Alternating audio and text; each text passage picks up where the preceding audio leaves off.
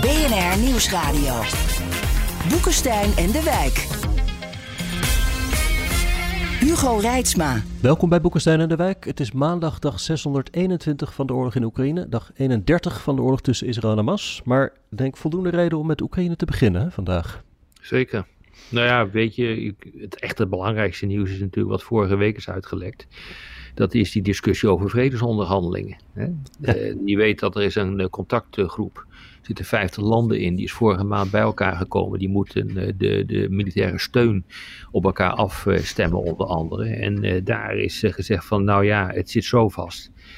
Misschien moeten we maar eens gaan onderhandelen. En dat heeft wel echt enorme consequenties hoor, dit.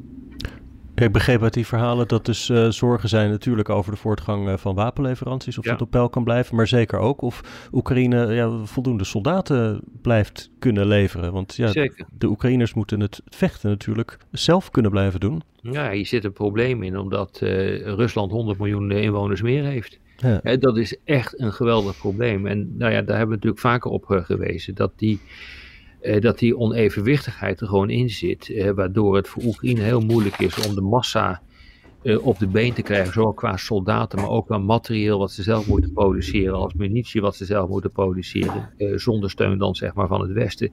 Ja, dan red je dat niet. Je kan dit alleen overeind houden als je heel veel steun krijgt van het Westen. Alleen daar begint de animo af te brokkelen om die steun zo voort te, te zetten.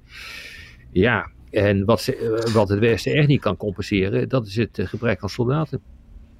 Ja, en we zien ook in Amerika, 41% van de Amerikanen zeggen dat Amerika te veel doet in Oekraïne. Drie maanden geleden was dat nog maar 24%. Nou. En, en vandaag zie je dat uh, Zelensky wordt natuurlijk ook gevraagd van hoe gaat het. En hij ontkent dat er geen vooruitgang wordt gemaakt. Hij spreekt zijn is... hoogste generaal tegen, hè, wat dat betreft. Ja, het is een heel pijnlijke ontwikkeling dit. Hè? Maar ja, als er, geen, als er geen vooruitgang wordt gemaakt, dan is het logisch dat je gaat praten over uh, onderhandelingen. Zo is het altijd geweest in de geschiedenis. Ja, en zo is het nu ook. Jan Zelensky, die kan natuurlijk ook gewoon niet anders. Hè? Als jij Zelensky ja. zou zijn, dan zou je ook gewoon ontkennen dat de druk wordt uitgeoefend. Ik denk ook eerder gezegd niet dat er op dit ogenblik druk op uh, wordt uitgeoefend, maar het is geen wonder dat dit is uitgelekt. Want door ja. het uit te lekken, weet Zelensky natuurlijk, en dat had hij ook al via de tamtam denk ik gehoord, dat dit soort discussies uh, er zijn.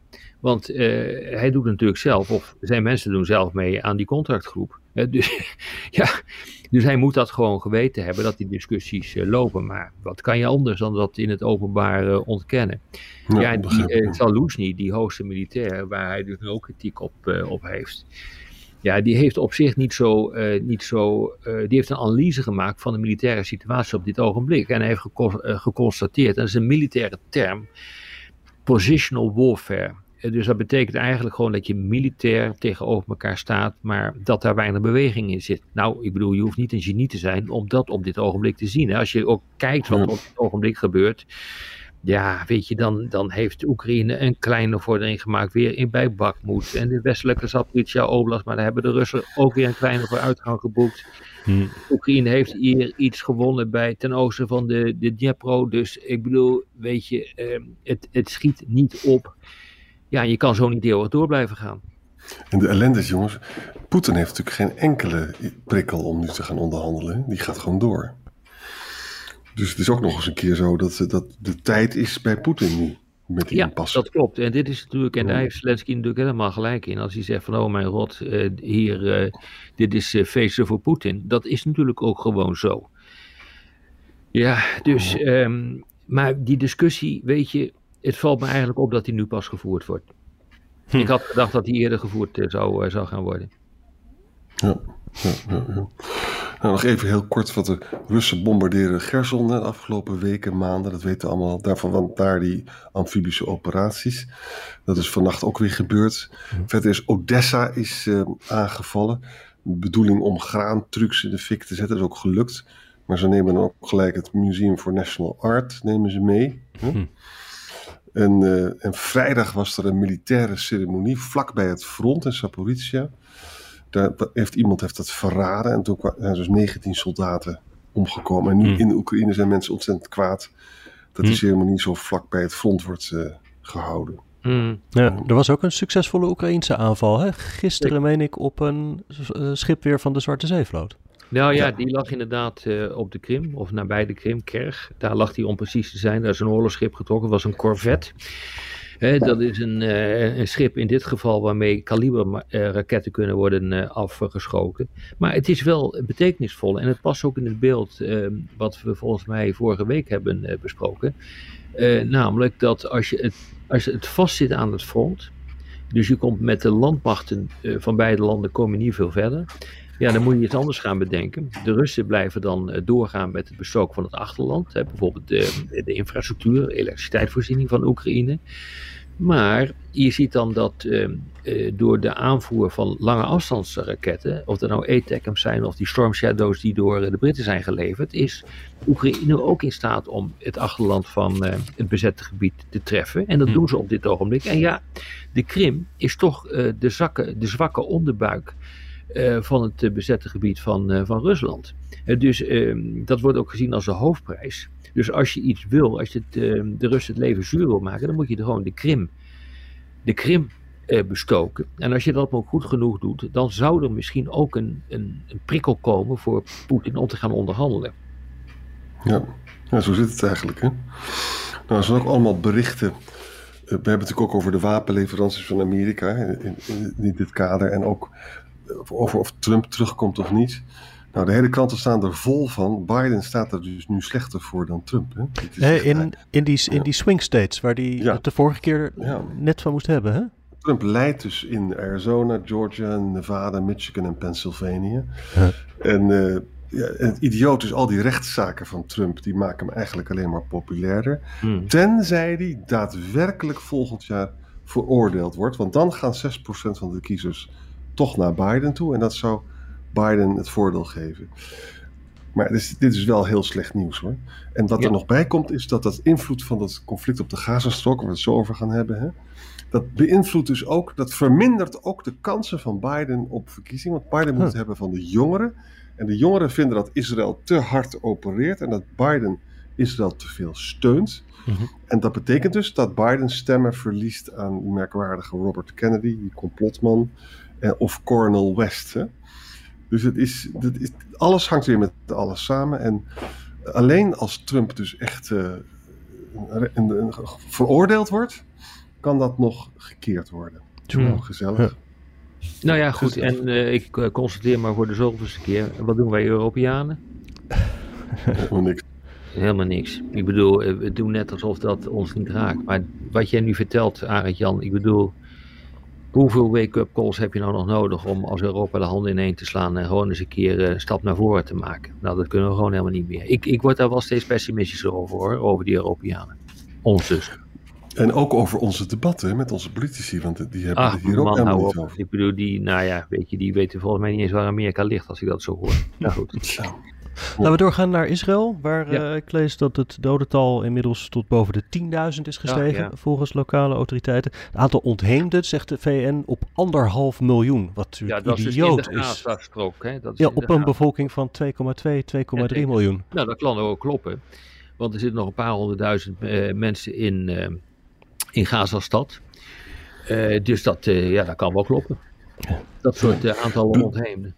Ja, Blinken zei vrijdag overigens, dat lees je niet zo vaak, hè, dat er wel effectievere methoden zijn om Hamas een kopje kleiner te maken dan, dan luchtaanvallen. Ja, dan moet je dus even terug, Arend-Jan, naar eh, de wijze waarop uh, dat op dit ogenblik gaat. Dus uh, wat, wat Israël doet, is, nou, dat weten we, zijn, van het noorden zijn ze opgerukt, zeg maar in het noordwesten en het noordoosten, naar beneden gegaan, naar het zuiden, naar richting Gaza-stad. Ze hebben vervolgens het gebied Gaza in tweeën gesplitst door ook in het midden uh, door te stoten naar uh, zee. En dan kunnen ze vanuit het midden kunnen ze ook naar het noorden doorstoten naar Gazastad. Het, uh, het ziet er naar uit dat de plannen van ha Hamas zo zijn dat ze eigenlijk grote gebieden hebben opgeleverd, opgegeven.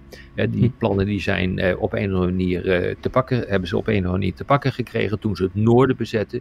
En Hamas die zegt van oké, nou bepaalde gebieden, daar gaan we niet echt om vechten, maar het gaat ons echt om centraal om centraal uh, Gaza-stad.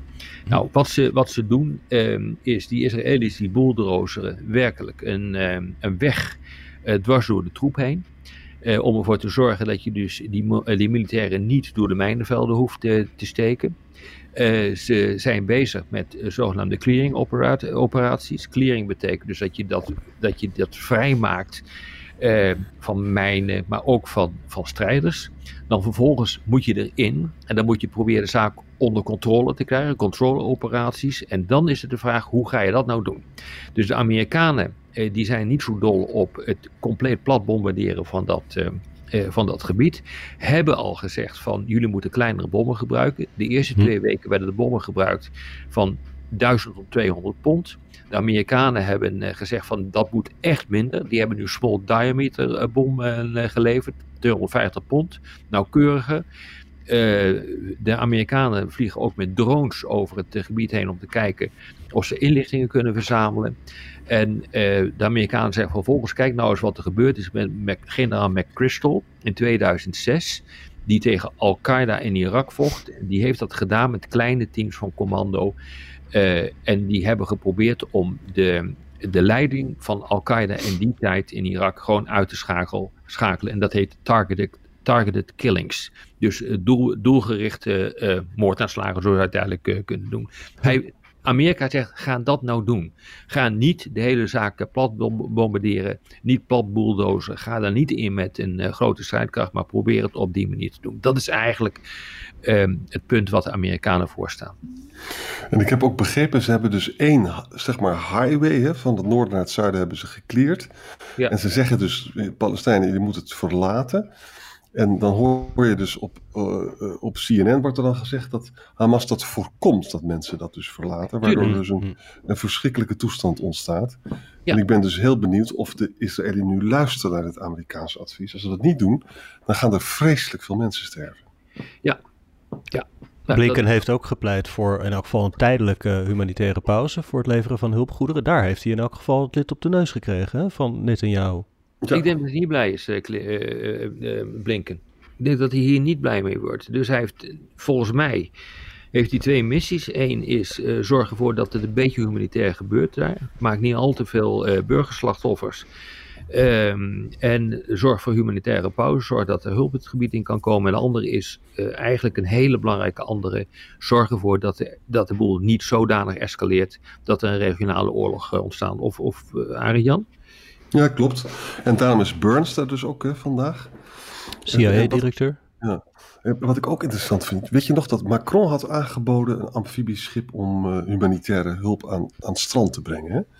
Toen waren er ook mensen die begonnen over onze Johan de Wit en, en Rotterdam om dat ook mhm. te doen. Mm nou, ik denk dus dat Netanyahu dat gewoon heeft afgewezen. Als dat, denk het ook. Het, dat ja. is wat en dat heeft dan, als dat zo is, hè, dan zou dat ook gevolgen moeten hebben als je, een, als je een zinvol buitenlands beleid. Je kan niet zomaar je alles maar laten gezeggen. Vind je niet? Nee, dat klopt. Maar dit is natuurlijk ook wel inherent aan de, aan de strategie die is uh, gekozen. Uh, we hebben het er al vaak over gehad. Er zijn twee manieren om, uh, om, om terroristen, opstanding, hoe je ze ook zou willen noemen, uh, onschadelijk te maken. Je kunt de boel bombarderen of je kunt huis-aan-huis gevechten gaan uitvoeren en targeted killings uit gaan voeren. De Amerikanen willen het laatste, de, de, de Israëli's zitten nog steeds op de eerste lijn. Ja, en dat betekent, als je dat gaat doen, je ook vrij snel de grens oversteekt naar schending van het humanitaire oorlogsrecht. Ja. Ik, ik hoop toch echt dat de Israëli's tot hun sensus komen. Want uh, dit, wordt, dit wordt een internationaal. Dit wordt gewoon een, een, slag. Uh, die Al-Qassam-brigade, dus zeg maar de militaire tak uh, van, uh, van Hamas, die heeft gezegd: ja, door die bombardementen zijn al 60 gijzelaars, of gegijzelden, hoe noem je dat, om het leven gekomen. Ja, dat wordt dus nu gewoon gezegd. Uh, ja, en hoe langer dit duurt en hoe erger, het, uh, hoe erger het aantal slachtoffers wordt, ja, dan zou je natuurlijk gewoon zien dat vanuit uh, Libanon, vanuit de Westbank, dat daar ook steeds meer on, onrust gemeld gaat, gaat worden en aanvallen op Israël. En dat gebeurt natuurlijk op dit ogenblik al. Ja. En ter voorkoming van dus die verdere escalatie hebben de Amerikanen uh, nog wat meer hardware uh, de regio heen gestuurd. Nou ja, ik, dat is echt een heel bijzonder bericht. Uh, dat kan ik niet te, te, veel benadrukken. er is een Ohio-klas onderzeeboot. Is er, is er in de regio gestationeerd. Er zijn foto's gemaakt dat hij door het Suezkanaal uh, voer. Ik denk dus dat hij, ehm, eh, dat hij in de richting is gegaan van de Middellandse Zee, maar dat weet ik niet zeker. want daar doet men heel geheimzinnig over. Maar het feit dat je zegt dat die onderzeeboot naar de regio is uh, gestuurd, dat komt niet vaak voor. Kijk, de Ohio-klas, toen ik dat zag, toen toen dacht ik van dit is echt foute boel. Er zijn 18 van dat soort onderzeeboten. Mhm. Dat is een van de poten onder de strategische nucleaire afschrikkingsmacht van uh, de Verenigde Staten. 14 mhm. van die boten die zijn af, uitgerust met, uh, met ballistische raketten met nucleaire lading. De zogenaamde Trident-raketten, die vanaf die onderzeeboten kunnen worden uh, afgevuurd. Vier, die zijn voorzien van kruisraketten, totaal 154. Van die Tomahawk raketten, ook, kunnen ook nucleair zijn. Er zitten ook um, special forces aan boord. Ook die schepen hebben ook nog uh, torpedo's. Dus als een ander schip kan je er maar beter niet in de buurt uh, komen. Het zijn harpoens. Maar het feit dat je dus een, een onderdeel van je nucleaire afschrikkingsmacht naar dat gebied stuurt, is hm. echt heel erg veelzeg, veelzeggend. Dit soort schepen varen zogenaamde deterrent patrols. Dat zijn afschrikkingspatrouilles. En eh, dus dit schip is in die regio geparkeerd om ervoor te zorgen dat de, dat de afschrikking blijft werken. En dat het conflict niet gaat escaleren naar een regionale oorlog. Nou, raar, raar waar dit op uh, gericht is. Ja, ja. Op dat is, op Iran, denk ik. Ja, dat denk ik. Dus, dus, waarschijnlijk hebben de Amerikanen dan informatie dat, de, dat Iran heel dicht is bij een kernwapen. Dat is, ja, dat is, laat die conclusie voor jou, maar eh, dat zou kunnen. Hm. Dat zou kunnen. Het is dus niet duidelijk welke configuratie is ingezet, of de kruisrakettenversie is of de strategische uh, ballistische raketten. Uh, maar het feit dat dit gebeurd is, is echt heel erg veel betekend dat is de twee vliegtuigschepen die er al liggen, misschien niet eens voldoende afschrikking zouden zijn. Dan neem je het wel serieus. Ik denk dat die afschrikking uh, met, die, uh, met die vliegkampschepen, uh, ja, er zit een vliegtuig op, zoals bekend is, want daarvoor is het een vliegkampschip. maar daarmee kan je dus een regionale oorlog gaan voeren. Hm. Maar dat is ook onderdeel van, van de afschrikking. Maar als die, die afschrikking faalt, dus als je ze daadwerkelijk moet inzetten ja, dat moet versterkt worden uh, door, uh, door deze Orion uh, Ohio-klas onderzeeboten. Ja, je moet ook zien in het kader van Blinken was dus zondagavond in Bagdad. Hè? Ja. Daar is dus een, de premier Soudani is dus gekozen door Sjiitische partijen. Mhm. En je hebt dus die, die Sjiitische milities, die, sommige daarvan zijn aan Iran verbonden. En die hebben nu 40 keer het Amerikaanse leger, ja. krijgsmacht aangevallen. Ja. En, en Blink heeft ook gezegd, als dat nog een keer gebeurt, dan slaan we keihard. Ja, dat zou dus inderdaad ook met conventionele tomahawks uh, kunnen gebeuren. En ik neem aan dat er ook conventionele tomahawks aanwezig zijn op die, op die schepen. Dus het zou mij niet verbazen als dus een van die vier ehm, Ohio-klasse onderzeeboten in, de, in de regio hebben gezet die uitgerust zijn met, met. Het zou me niet verbazen, maar ik kan het daar mis mee hebben hoor, dat moet ik onmiddellijk zeggen. Ja. Nou, nog één dingetje. Eh, Israël vraagt om 24.000 geweren. Maar het State Department wil dat eigenlijk niet doen, want die gaan naar de kolonisten toe op de Westbank. Ah. En, uh, dus Amerika doet niet alles wat Israël vraagt. Mm Het ziet er weer niet best uit, hè? Uh, nee, nee, het ziet er echt niet best uit. ja. Nou, laten we het daar maar even bij houden dan uh, voor vandaag. Zeker. Praten we morgen Tot morgen. Tot morgen. Waar we naar zitten kijken is eigenlijk de verbouwing van de wereldorde. Hoe vinden jullie Rob met de muzikale begeleiding? Moeten we dat erin houden? Maar hoe kunnen leiders ons dan door al die crisis heen slepen? Dat bespreken we met jullie in de Boekenstein en de Wijk Eindejaarshow. In december in een theater bij u in de buurt. We beginnen op 5 december in Delft. Dan gaan we naar Amstelveen, Rotterdam, Eindhoven, Maastricht en tot slot 22 december in Amersfoort. De Boekenstein aan de Wijk Eindejaarshow. Een avond doemdenken voor de hele familie. Kijk voor data en tickets op bnr.nl slash theater. Bij BNR ben je altijd als eerste op de hoogte van het laatste nieuws. Luister dagelijks live via internet. Jelle Maasbach. Wesley Weert. We zijn er voor je met het leukste, opvallendste, maar natuurlijk ook het belangrijkste nieuws. Tijdens de presentatie van die halfjaarcijfers toen die beurskoers in elkaar kukkelde. BNR Beurs. Voor de slimme belegger. Blijf scherp en mis niets.